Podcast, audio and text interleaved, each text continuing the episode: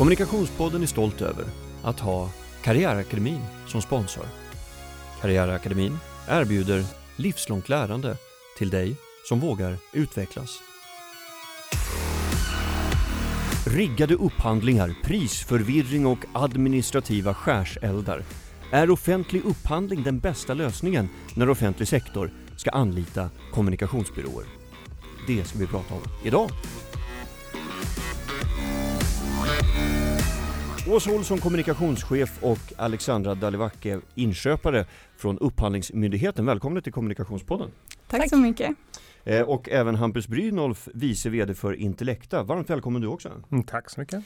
Eh, det här är ju liksom ett, eh, en paneldiskussion skulle jag säga om upphandlingar. Och jag skulle vilja veta lite grann av er om jag har ju frågor och lite påståenden som har med upphandlingar att göra och jag hoppas på att vi ska med, eh, kunna skingra några frågetecken som har dykt upp. Eh, Åsa och Alexandra, vill inte ni berätta lite grann vad ni gör på Upphandlingsmyndigheten? Mm, vi är en liten och ganska nystartad myndighet fortfarande och vår uppgift är att ge stöd i upphandlingar. Så det är inte vi, man kan ofta tro det eftersom vi heter Upphandlingsmyndigheten att det är vi som gör eh, statens ramavtal och så vidare men det är det ju inte utan vi ger stöd i upphandlingsfrågor. Eh, regeringen tog fram en nationell upphandlingsstrategi för några år sedan och då är, det har vi uppdraget att se till att den genomförs så att man följer den. Så att man kan använda upphandling för att påverka samhällsutvecklingen i rätt riktning. Vilka är det som kan vända sig till er då för stöd? Är det, är det de upphandlande myndigheterna eller är det också leverantörer? Egentligen är det alla som är intresserade av den offentliga affären, så både upphandlande myndigheter, leverantörer, olika intresseorganisationer eller branschorganisationer, eller medborgare för den delen också. Eh, och Alexandra, inköpare, vad, vad gör man då? då? Ja, jag jobbar ju då med Upphandlingsmyndighetens interna inköp, alltså inköpen till Upphandlingsmyndigheten. Men sen så jobbar jag ju även med, eh, med stöd och jag sitter i någonting som heter för frågeservice. Eh, det är en eh, funktion dit alla kan vända sig till som har frågor. Eh, man kan ringa till oss, man kan mejla oss och man kan även chatta med oss. Sitter du alltså och skriver upphandlingar för Upphandlingsmyndigheten? Ja, precis. Okay. Hårt granskad gissar jag? Ja, det är ett väldigt spännande uppdrag. Skomakarens barn brukar man ju säga. Jag kan tänka mig att så här, förankringsarbetet eh, som du behöver bedriva kanske förtjänar en guldstjärna när du väl är klar? kanske. eh, Hampus Brynolf, vice vd för Intellecta. Eh, vad gör du på Intellecta? Mm, jag driver ganska mycket av den offentliga affären från vår sida. Eh, det vill säga svarar på en mängd upphandlingar. Eh, sen jobbar jag också med, med, ja, med huvudsakligen med våra stora ramavtalskonton. så de stora offentliga kunderna vi har. Okej, okay. spännande. Eh, vilken, nej, det här är en fråga till eh, alla tre, så den som känner sig manad eh, först att svara får vara den som svarar först. Vilken kunskapsnivå bedömer ni finns hos upphandlande myndigheter när det kommer till kommunikation specifikt? Skiljer den sig eller ser den likadan ut över landet mellan sektorer? Då jag pratade lite med Alexandra innan här och vi sa att eh, så vitt vi vet kan man väl säga, vi har inte eh, pratat med alla såklart, men att det kan vara väldigt varierande. Eh, det är väldigt olika hur myndigheter har organiserat sin kommunikationsverksamhet. En del har väldigt små avdelningar eller enheter som jobbar med kommunikation och så köper de in mycket istället medan andra har ganska stora organisationer och ibland kör allting inhouse. Så det är, det är väldigt olika och lite utifrån det också så blir man ju olika bra på att handla upp de här tjänsterna. Mm, för det innebär ju antingen kanske man har väldigt många beställare eller så har man väldigt få beställare och då minskar ju resurserna till att faktiskt ställa de kraven och då kanske det blir den som sitter på behovet eh, av kommunikationen som istället får ställa krav istället för kanske kommunikatörer. Så därför kan det ju variera väldigt stort. Mm. Är det vissa sektorer bedömer ni, alltså från Upphandlingsmyndighetens sida, som är liksom mindre eller mer rustade? Om man tänker på liksom yrkeskategori? Och då, men, då menar du till skillnad från kommunikation eller inom kommunikations... Eh, nej, inte bara inom kommunikation nej, utan nej. då liksom oavsett. Svår fråga. Det beror jättemycket på vad man har för uppdrag på myndigheten, hur, hur väl man är rustad skulle jag säga.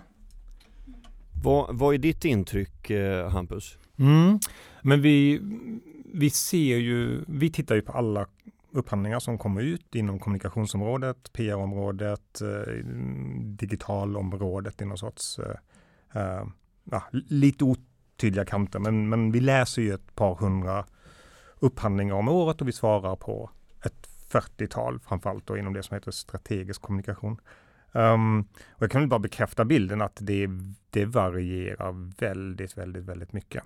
Uh, ibland känns det som att uh, det inte har varit med en, eh, en kommunikatör i upphandlingen eller någon som kan kommunikation utan att det är helt liksom, en, en upphandling som är skriven av upphandlare utan faktisk kunskap om upphandlingsobjektet så att säga. Och, ibland, och det blir inte så bra. Och ibland så ser vi motsatsen. Eh, där det känns som att det inte har varit med, en, en upphandlare inte har varit inblandad utan det bara är någon som kan kommunikation. Och det blir inte heller så bra kan man väl eh, enkelt uttrycka det. Eh, så ja, mycket är, varierad. Är upphandling idag en rättssäker metod? Det är den minst dåliga eh, sättet att köpa tjänster, tänker jag. Eh, men det är absolut behäftat med stora Eh, problem faktiskt. Ja, för jag tänker eh, om man ska vara lite eh, elak, en upphandlingsmyndighet, den, uppkom den nu för att folk gör ett sånt dåligt jobb ute i landet? Ja, man de fattar ett... inte vad de håller på med så nu måste man ha en hel myndighet som hjälper dem. Ja men det är, det är ju en svår fråga, det får man ju säga.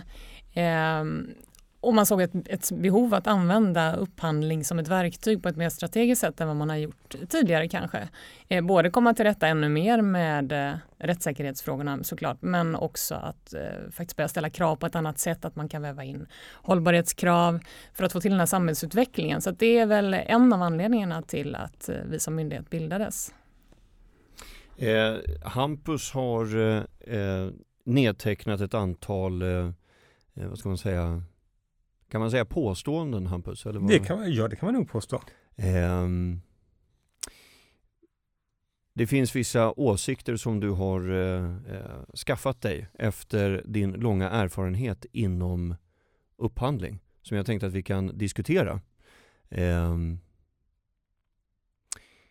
vi kan ta till exempel konsulter jobbar väl alltid? Det är ett påstående som Hampus har skrivit. Eh, då, har, du sagt så här, upphandlingen preppas av myndigheten hela våren, skickas ut i slutet av juni och svar önskas i början av augusti. Vi är faktiskt också människor. eh, för, för det första, innan jag släpper in Upphandlingsmyndigheten, Hampus, hur ofta, är det vanligt? Varje sommar. Är det så? Ja, absolut. Varför tror du att det är så? Då? Ja, det, ja det, det, har jag ju lite svårt att svara på. Men ibland, ibland så känns det som att, att man sitter på myndig, myndigheten eller kommunen och så jobbar man på i sin och så har man sitt årshjul och så har man planerat in, ja då jobbar vi under hela våren med att förbereda upphandlingen. Och sen går ju vi på semester och sen när vi kommer tillbaks då är det ju jättebra om vi kan börja med utvärderingen. Mm. Då, då har vi liksom optimerat uh, vår resursanvändning. Och verkligen lagt grunden till ett jättehärligt samarbete. Absolut, absolut. Vad, vad säger ni på Upphandlingsmyndigheten? Känner ni igen den bilden? Ja, alltså som inköpare så kan jag väl ändå känna igen den bilden att det har förekommit. Men vi jobbar... Du har själv gjort det alltså? Eh, nej, jag vet inte om jag själv har gjort det, men, men jag känner igen eh, tankesättet. Eh, och utifrån eh, en upphandlares perspektiv så är ju det jätteeffektivt att mm. eh, när det är som minst att göra i upphandlingen att gå på semester då.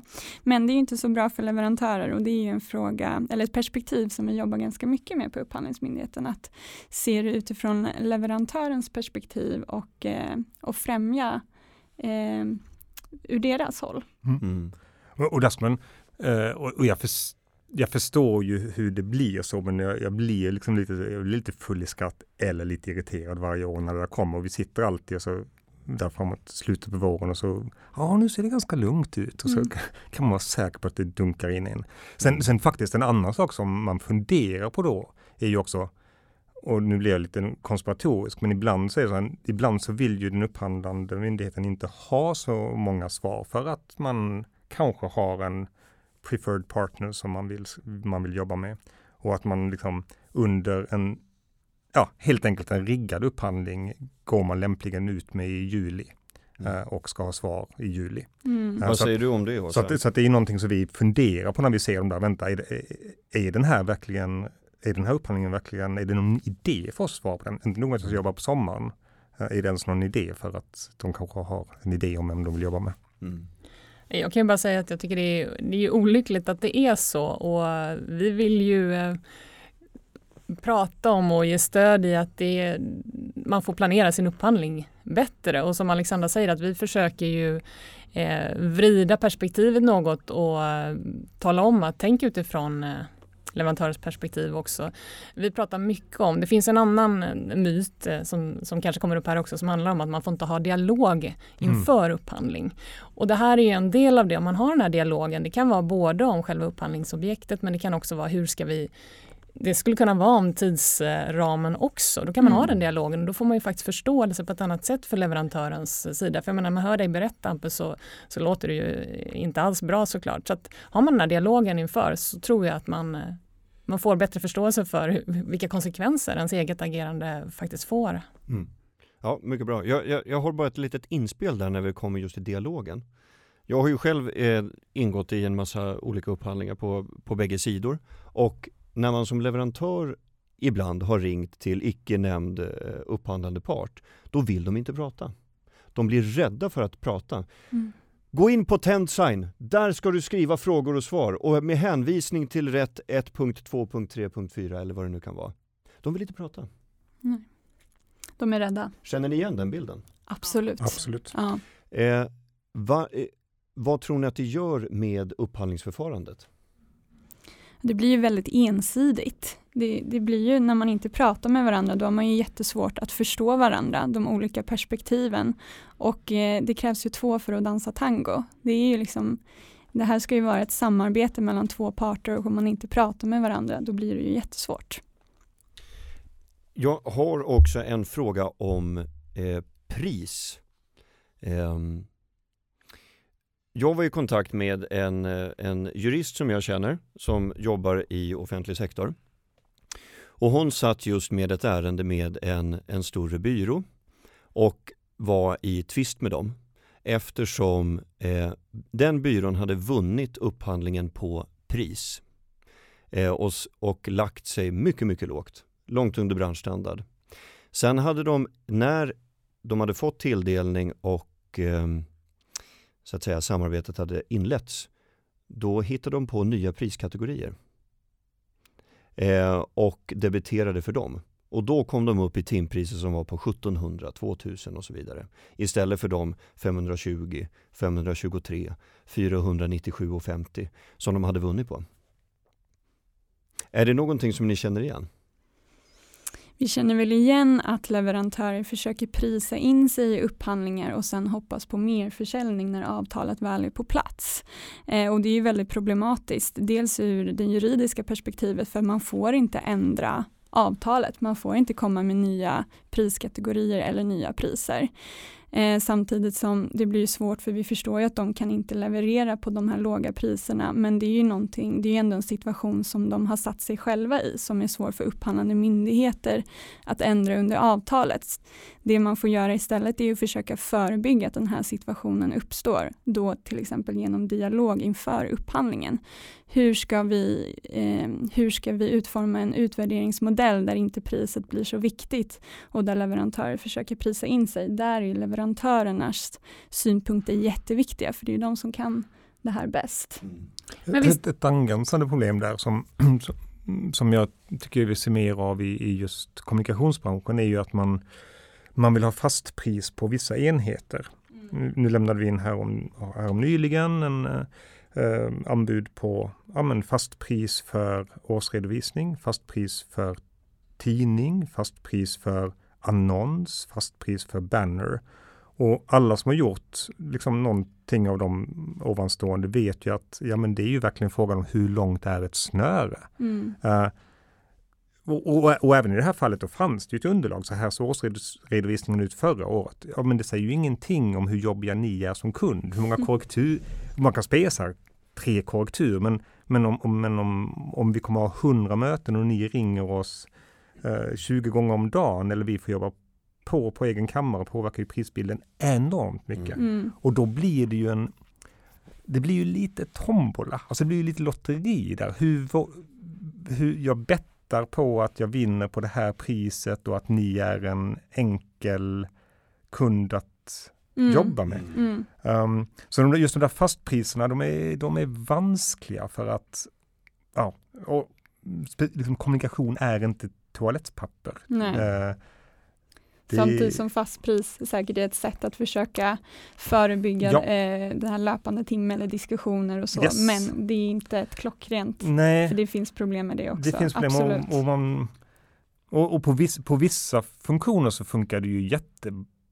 Så, ja, men, och, och då måste man ju, alltså när upphandlande myndighet klarar av att spesa väldigt detaljerat. Vi vill ha webbhosting som uppfyller de här 25 kraven eh, och med den här tillgängligheten och bla bla. bla. Ja, då går det ju att prissätta. Mm. Men när det, när det är kommunikativa produkter som är luddiga i kanten, det är så här, ja, det enda jag kan göra är ju estimera, jag kan göra ett realistiskt estimat av timmar och sen gånga med mitt timpris och hoppas på det bästa. Mm. Liksom. Mm. Så ja, vanskligt, vanskligt. Och där, och där blir det alltid taktik. För där blir det alltid så här, om de säger, om upphandlande myndighet säger att eh, att de estimerar en volym på 2 miljoner om året och sen har de en, en priskorg där det finns, där det ligger timmar och några, fa, och några fastprisobjekt. Eh, då blir det ju bara en taktikövning för mig. Mm. Eh, så här, ja, ni viktar hostingen högt, men det är en liten del av den faktiska summan ni kommer köpa för. Då lägger jag den på 10 kronor. Mm. Eh, och, så, och, och levererar den för 10 kronor också. Jag tar ju en förlust där då.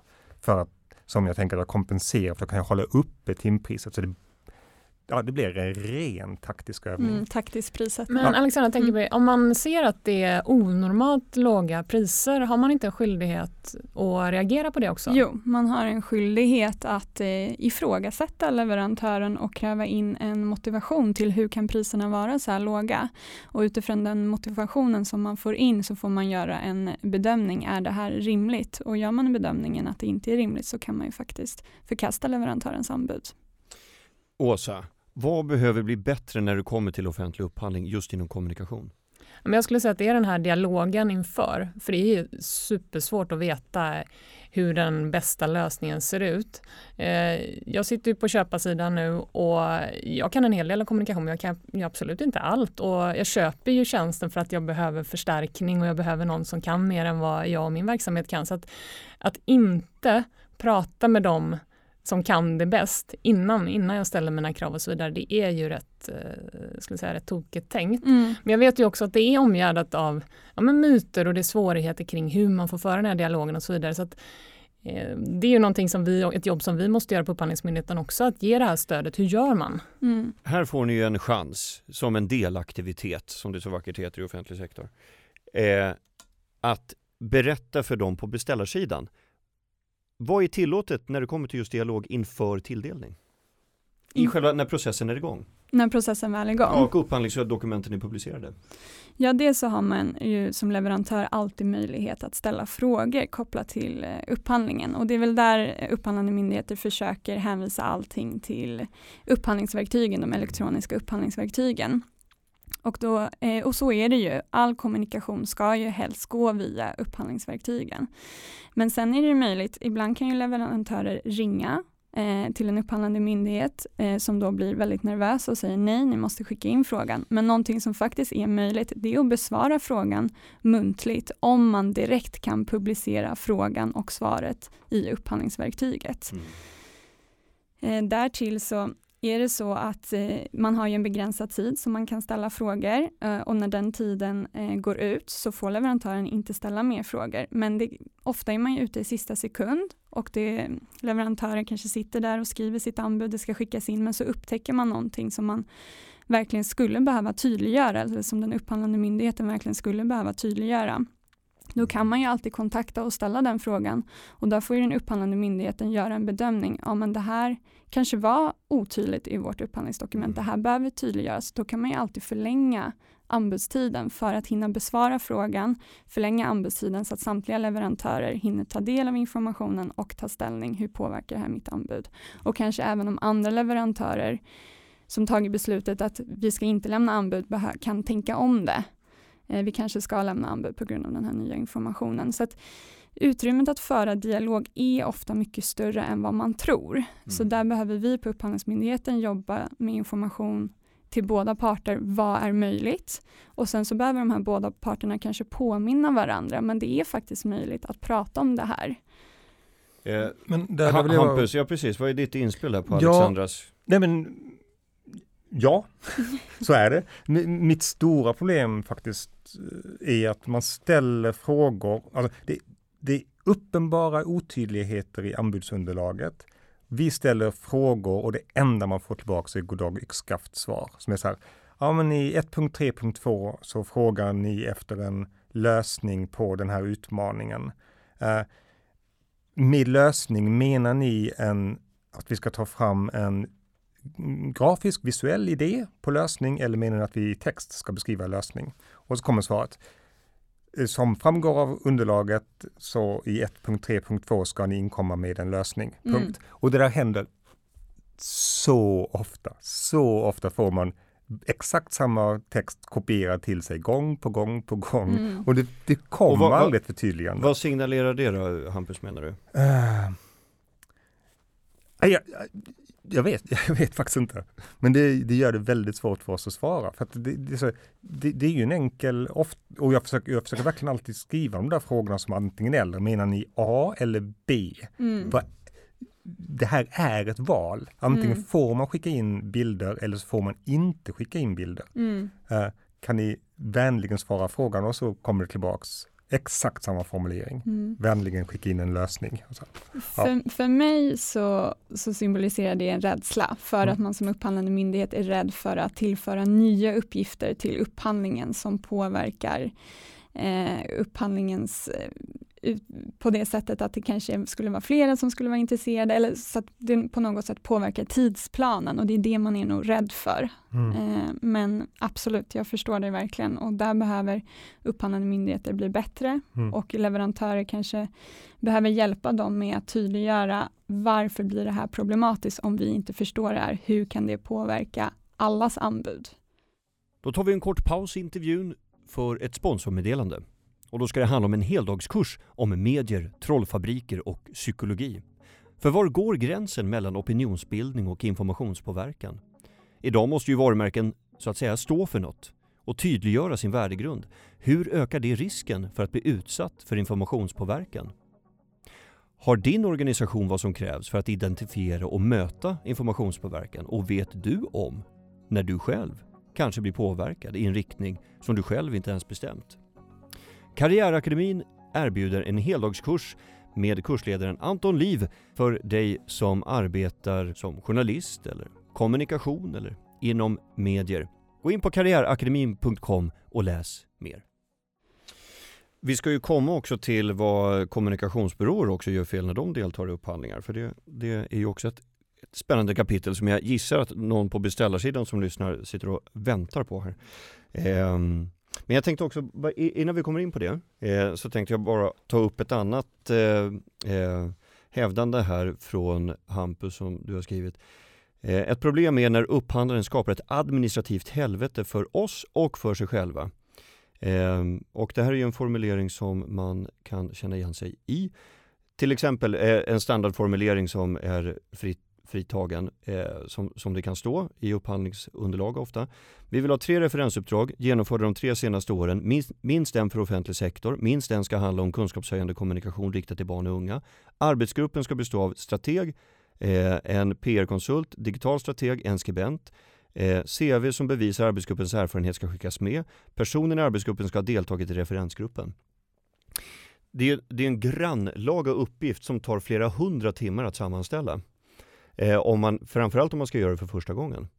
Eh, framförallt så kan det ju kännas, det här är ju min reflektion, det kan ju kännas som en viss frustration när man sen vet att när arbetet väl är igång så är arbetet som utförs, det utförs oftast utav kanske en eller två personer på byrån som är multitaskers. Som eh, beställaren har ett, eh, ett gott öga för och har en, en bra relation till. Så det är inte så verk verklighetsförankrat. Eller? Ni får gärna ifrågasätta. Mm.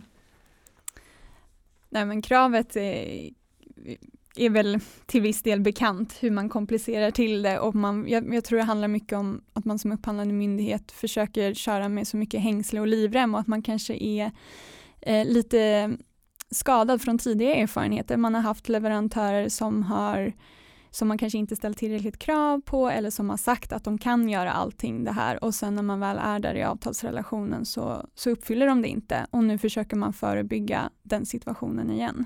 Mm. Eh, men då, jag förstår att det blir utmanande för, för leverantörerna. Jag tror det finns, det finns ett perspektiv också som jag, som jag hör från, från just upphandlande eh, parter att, att ibland ångrar de att de ställde kraven så som de gjorde. För att om man ställer kraven, eh, då måste man ju också faktiskt utvärdera dem. Och helt plötsligt sitter man där och läser liksom varje rad i ett CV för att säkerställa att konsulten verkligen har bevisat att hen har jobbat med norm, eh, normkritisk kommunikation under period X, Y, Z. Så att man, det, det, är lätt, det är lätt att skriva krav och de, och de kan vara helt rimliga. Men det är ganska svårt att sen sitta och faktiskt bocka av dem. Mm. Och sen så eh. ska de ju även följas upp under avtalstiden. Så, så, så det är liksom, och jag förstår verkligen vad de vill komma till rätta med, men jag tror att det finns kanske bättre sätt att göra det än att bli väldigt granulär i kravställandet. Mm. För att det skapar just det här administrativa problemet. Och, och faktiskt också situationen där man ibland, som, men vi, vi är en stor byrå med 70 anställda, så att vi, vi vi klarar ju ofta av att få ihop det även när det är så här, men personerna ska, samma personer som uh, gör uh, det fiktiva caset ska ha varit i, i, de, i, i de casen som lämnas in och de ska i sin tur uppfylla ett antal kriterier. Men för en liten byrå som har all kompetens i och för sig, mm. kan det vara svårt att bara få ihop pusslet. Liksom, mm. Det är fel personer som har fel Utbildningen finns och referenserna finns och casen finns, men inte i exakt den matrisen som, som man har satt upp. Och då blir det lite problematiskt för, för mindre byråer. Mm. Men vi brukar ju prata om att man istället för att göra just den här kravspecen som du pratar om Hampus, att man, att man eh, lyckas ställa krav i form av eh, funktion eller mm. det här vill vi ha levererat. Ni vet bäst hur ni löser ja. det och med vilka, vilka kompetenser mm. och vilka konsulter. Det vet ju inte vi som, som upphandlare egentligen. Eh, så att, att överlåta det till er och, och lyckas eh, formulera sig så i sin upphandling istället. Mm. Hur, hur, hur ser mognadsgraden ut för det då? Bland eh, alltså de upphandlande parterna? Det är väldigt olika ser vi ju. Mm. För det här med funktion var faktiskt någonting helt nytt för mig. Jag har faktiskt aldrig hört det förut. Nej, okay. Nej, det är ett stöd som vi har eh, som vi kallar för funktionskrav. Ja. Eh, vi har ganska mycket information om det. Eh, dels hur man kan ställa det och samt även hur man utvärderar det. Och syftet är ju liksom att inte detaljstyra hur det ska uppnås utan vi beskriver vilket resultat och sen är det upp till leverantören att beskriva hur det uppnås på bästa sätt. Och det möjliggör ju också, precis som du säger Hampus, för mindre byråer att lämna anbud. För det är ju också ett eh, problem som vi ser att det är de här större byråerna med ett, hela maskineriet på plats som mm. lyckas svara på de här lite mer komplexa upphandlingarna. Mm. Men det möjliggör ju att det är olika aktörer och även mindre aktörer som faktiskt kan, kan lämna anbud. Mm. Ja, och jag skulle vilja säga att det, det är även de enkla upphandlingarna som blir komplexa. Alltså att det är en, en, en enkel tjänst som ska levereras som skulle kunna fixas utav ja, en eller två personer men mm. som i upphandlingsunderlaget kräver en kader utav människor mm. som kan befolka en mindre by. Men sen så när man, man vet ändå när man läser uppgiften som ska lösas att det här behöver inte mer än en eller två personer. Men också tillbaka till det här som vi pratade om dialog. Nu pratade vi in lite på dialog under själva upphandlingen. Mm. Men eh, man kan ju faktiskt ha dialogen innan man mm. startar sin upphandling också för att faktiskt prata med dem på marknaden och höra men hur skulle jag kunna sätta upp min, eh, mitt upphandlingsunderlag på bästa möjliga sätt för att så många som möjligt ska kunna lämna anbud och så vidare. Så att, att ha den dialogen redan innan man drar igång, det lär man sig jättemycket på också. Då mm. tror jag man kommer till Precis. rätta med en del av de eh, problemen som vi pratar om här. Mm. Absolut. Vad gör många kommunikationsbyråer fel när de deltar i upphandlingar? Vad, vad, kan ni se från fall som ni har tagit del av? Och jag tror, om jag får börja, jag tror också att man, man missar de här, alltså i den här djungeln av alla krav som ska uppfyllas så är det, har vi ju sett bara av e, egen erfarenhet att det är lätt att missa formalia krav, slarv, alltså på grund av slarv mm. för att det är, det är ju ofta mycket man ska svara på. Mm. Eh, man läser brukar... inte igenom ordentligt, eh, man kanske gör anbudet väldigt sent in på sista anbudsdag så det blir stressigt på slutet och då slarvar man på grund av det. Du brukar ju säga Alexandra att men skriv ut alla, alla papper och bara stryka över alla skavkrav och checka av att ni faktiskt har svarat på dem. För mm. det är ju supertråkigt både för oss som köpare men också som, som säljare såklart att falla på en sån formalia grej som man vet att man uppfyller. Mm. Och det är väl ett litet tips till leverantörer att inte bli skrämda av omfattningen på upphandlingsdokumentet när man öppnar ett upphandlingsdokument så kanske det kan det vara jättemånga sidor, det är juridiskt krånglig text, text och tänka då på att eh, mycket av eh, texten kanske måste vara där men den är inte relevant för mig som leverantör. Så försöka liksom skriva ut, bortse från det som inte är relevant för mig och sen färgmarkera liksom alla ska och det är det man ska fokusera på. Vad behöver jag lämna in med mitt anbud för att uppfylla alla krav? Mm. Ja, överstrykningspenna är absolut eh, upphandlar, den, den, som svarar på upphandlingars bästa vän. Intygar jag. Um, jag kan väl komplettera med liksom misstag vi har gjort eller misstag vi gör när, man skick, när, när någon som är lite mindre rutinerad svarar. Det är ju att man, ett vanligt fel är att man angriper, och då pratar jag framförallt kanske om de fiktiva uppdragen, att man angriper de uppdragen lite mer som om de vore ett verkligt kommunikationsuppdrag. Och att man, och det är ju igen att man inte läser noggrant vad är det faktiskt de frågar efter. För typiskt sett, väldigt ofta i upphandlingar så frågar man ju efter process och metod, inte lösning. Uh, men kommunikationskonsulter tenderar att hoppa på lösning. Mm. Uh, och så gör man någonting flashigt och roligt. Uh, och snyggt och bra kanske. Men det var inte det som efterfrågades, utan det som efterfrågades var en beskrivning av hur vi skulle lösa uppgiften. Eh, så, så det är ju så här, det får jag alltid gå tillbaka till mina medarbetare och säga, men svara på frågorna. Sen finns det ett litet mått av kritik där också mot upphandlande part som är att ibland så säger de att de vill ha process, men de blir, men de blir förförda av snygga lösningar. Och det, det, det är ju de, de värsta förlusterna i upphandling när, man har, när vi har svarat på eh, frågan, vi har beskrivit processen för att ta fram en kommunikationslösning och så har någon annan byrå gjort snygga uttag. De har gjort snygg liksom, reklam och skickat in och så får de högre poäng. Uh, fast det var ju processen som skulle beskrivas, inte lösningen. Och process, helt ärligt, är ju oftast inte så sexigt. Men det, det, det är lätt att som upphandlare också bli lite förförd av, mm. av bra lösningar. Men, men och där måste jag säga, de, de flesta som upphandlar är duktiga på att följa sina e egna utvärderingskriterier. men, eh, men ibland, ibland missar de också. Två frågor kvar. Den första är också hämtad ur eh, eh, ett av Hampus påståenden här. Det, att många upphandlingar riggas, eller vissa upphandlingar riggas. Man har... många, många sa jag nog inte. Det, Nej, det händer. Men det händer. ja. ja. Exakt samma case och CV som vi i andra upphandlingar får bra betyg på genererar helt plötsligt låga poänger. Inget beslut, ingen med beslutsmandat medverkar på pitchen. Istället skickas två sömniga kommunikationsassistenter som ser lätt chockade ut över att vi verkar veta vad vi pratar om. Och några, och några månader senare kommer ett tilldelningsbeslut där en enmansbyrå vi aldrig hört talas om har vunnit uppdraget. Kom kommentar från Åsa eller Alexandra? Ja, men det, är ju, det är ju helt fel såklart. Ja, det är inte eh, okej. Okay. Nej. Nej, men jag, jag hörde också ett, eh, ett case, jag ska, eftersom jag hörde från tredje part ska jag inte offentliggöra vilka som var inblandade, men då var eh, upp, beställaren eh, hade ställt ett krav på att det var att byrån som de ville eh, upphandla skulle ha vunnit ett antal priser inom en viss tidsperiod. Och då exkluderade de alla förutom två. Så i de facto så var det två stycken som kunde kämpa om det. Och egentligen bara en. Eftersom de hade krav på ett antal funktioner som de visste att den ena parten inte hade. Mm. Men hur gör man här Alexander, får du utbilda oss. Jag tänker våran roll som upphandlingsmyndighet versus också Konkurrensverket. Har Konkurrensverket någon roll i den här fasen som vi pratar om nu? Eller vad kan man göra?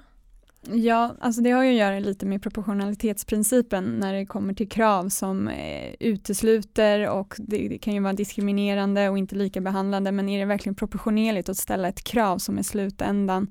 Det bara är två eller en som kan tävla om. Och är det verkligen kopplat till syftet som man vill uppnå, är det verkligen proportionerligt däremellan?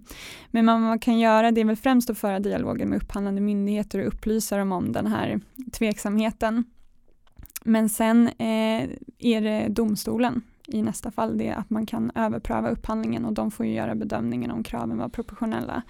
Eh, Då blir det ett fall för förvaltningsrätten alltså? Ja, precis. Om jag eh, rekapitulerar lite grann kring det som vi var inne på tidigare med dialogen. Skulle man eh, teoretiskt sett som eh, anbudsgivare ta kontakt med en beställare under tiden som upphandlingsprocessen så att säga är igång innan tilldelningsbeslut har fattats och ifrågasätta till exempel om de, eller be dem motivera varför de eh, kräver ett antal funktioner när man märker att det de faktiskt vill ha gjort inte kräver den typen av personal. Absolut, det kan man verkligen göra. All sån information är jätteviktigt för upphandlande myndigheter att få oavsett vart man är i processen. Sen så har de en skyldighet att redovisa det? Eh, att frågan ställs? Nej, nej, utan att de har skyldighet att redovisa vad de ska använda de här olika funktionerna till när eh, arbetet är igång så att säga. Ja, man är ju skyldig att motivera varför upphandlingen är utformad som det är. Eh, det, man är ju skyldig att svara på frågor, så absolut. Ehm, jag ser det ganska, just det händer ganska ofta när det är de mer tekniska digitala upphandlingarna. Då, då blir det ofta frågor som föranleder faktiska ändringar. Det kan vara för där är det, där är det också ganska tydliga krav ofta som handlar till exempel om tillgänglighet på en webbplats och uh, hur snabb responstid man ska ha. Och sådär. Och, och där, där, där, ser jag ofta att det förekommer att vi som byrå ställer motfrågor. Det här är ett orimligt krav. Förstår ni vad det här innebär? Eh, när ni säger att webbplatsen ska vara uppe 100% av tiden. Det kostar jättemycket. Det normala är 99,95. Och då, då, då händer det ofta att det blir faktiska eh, ändringar. Att de faktiskt mm. ändrar i kraven och säger okej, okay, vi, vi hör vad ni säger. Det här är ett mer eh, ja. så. Men, men i rena kommunikationsupphandlingar så är det lite, lite ovanligare.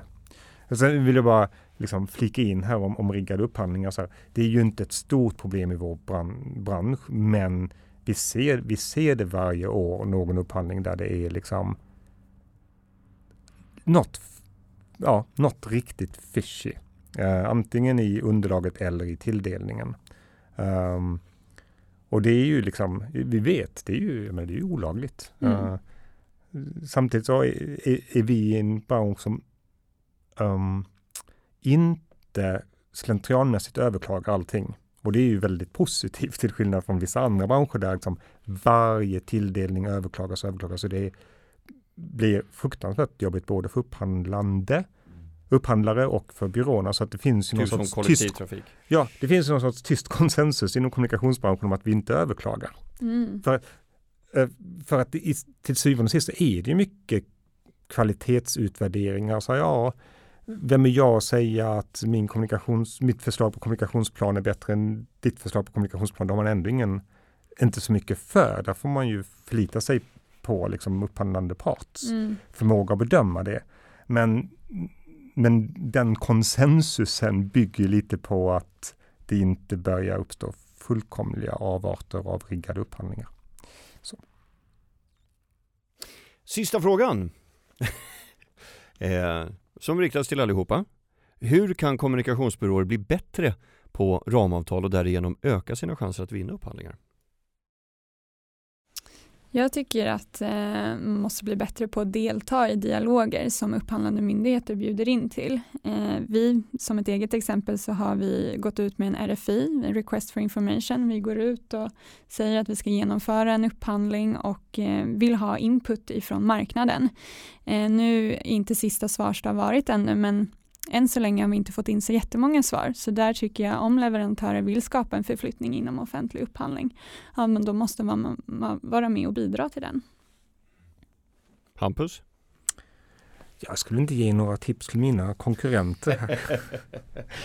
nej, nej men mitt... mitt ja men det var, det, vi var ju inne på slarvfel. Ja, ja, nej men mitt huvudtips är ju faktiskt liksom Alltså det viktigaste är ju att inte vara ute i sista sekund. Det är ju den, enskilt, eh, den enskilda saken som, som gör störst skillnad.